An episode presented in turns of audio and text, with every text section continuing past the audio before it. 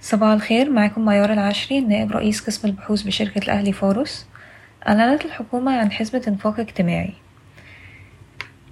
تثبيت أسعار الكهرباء, الكهرباء المنزلية وتأجيل الزيادات المخططة سابقا إلى منتصف 2023 بدلا من نهاية 2022 تستمر حزمة البطاقات التموينية حتى 30 يونيو 2023 بدلا من نهاية عام 2022 توزيع مكافأة قدرها 300 جنيه الشهر القادم على العاملين بالقطاع العام والشركات المملوكة للدولة والمتقاعدين.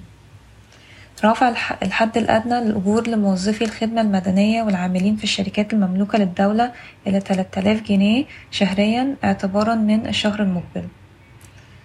سيتم وضع آلية واضحة للقطاع الخاص لتعويض ودعم العاملين في مختلف الشركات المتعثرة مع صرف الدعم المالي حتى 30 يونيو 2023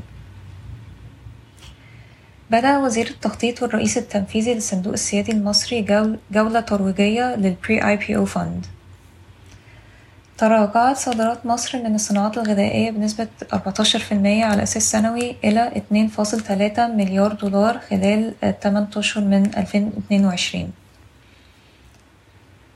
ارتفعت مبيعات صادق في الربع الثالث من 2022 بنسبة 214% على أساس سنوي و74% على أساس ربع سنوي إلى 5.1 مليار جنيه مما أدى إلى زيادة مبيعات التسعة أشهر من 2022 بنسبة 119% على أساس سنوي إلى 11.8 مليار جنيه. نما صافي الربح في الربع الثالث من 2022 بنسبة 19% على أساس سنوي و117% على أساس ربع سنوي إلى 142 مليون جنيه. مما رفع صافي الربح التسعة أشهر من 2022 بزيادة بنسبة 27% على أساس سنوي إلى 434 مليون جنيه. تعتزم شركة العاصمة الإدارية الجديدة استئناف طرح قطع الأراضي للبيع بداية في بداية 2023 أعلنت القلعة أن المحكمة ألغت حكما سابقا ضد القلعة في قضيتين تبع تلات شيكات بقيمة بقيمة إجمالية قدرها 8.4 مليون دولار. تهتم الشركات الإماراتية باستثمار خمسة مليار دولار في قطاعات الطاقة المتجددة والهيدروجين الأخضر وتحلية المياه في مصر. Infinity Power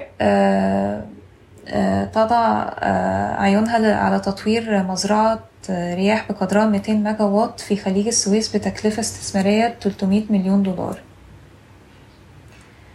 أعلنت قاهرة Cairo Pharmaceuticals عن توزيع أرباح بقيمة خمسة فاصل تلاتة وخمسين جنيه للسهم لتوزيعها في تاريخ خمستاشر نوفمبر ألفين اتنين وعشرين وتاريخ نهاية الحق عشرة نوفمبر ألفين اتنين وعشرين. وأعلنت شركة Alexandria Pharm Pharmaceuticals عن توزيع أرباح بقيمة اتناشر فاصل اتنين جنيه للسهم لتوزيعها في تاريخ 15 نوفمبر 2022 وتاريخ نهاية الحق 10 نوفمبر 2022 سجلت مصر الفنادق زيادة بنسبة 92% على أساس سنوي في صافي ربح الربع الأول من 2022-2023 صافي ربح قبل الضرائب إلى 127 مليون جنيه.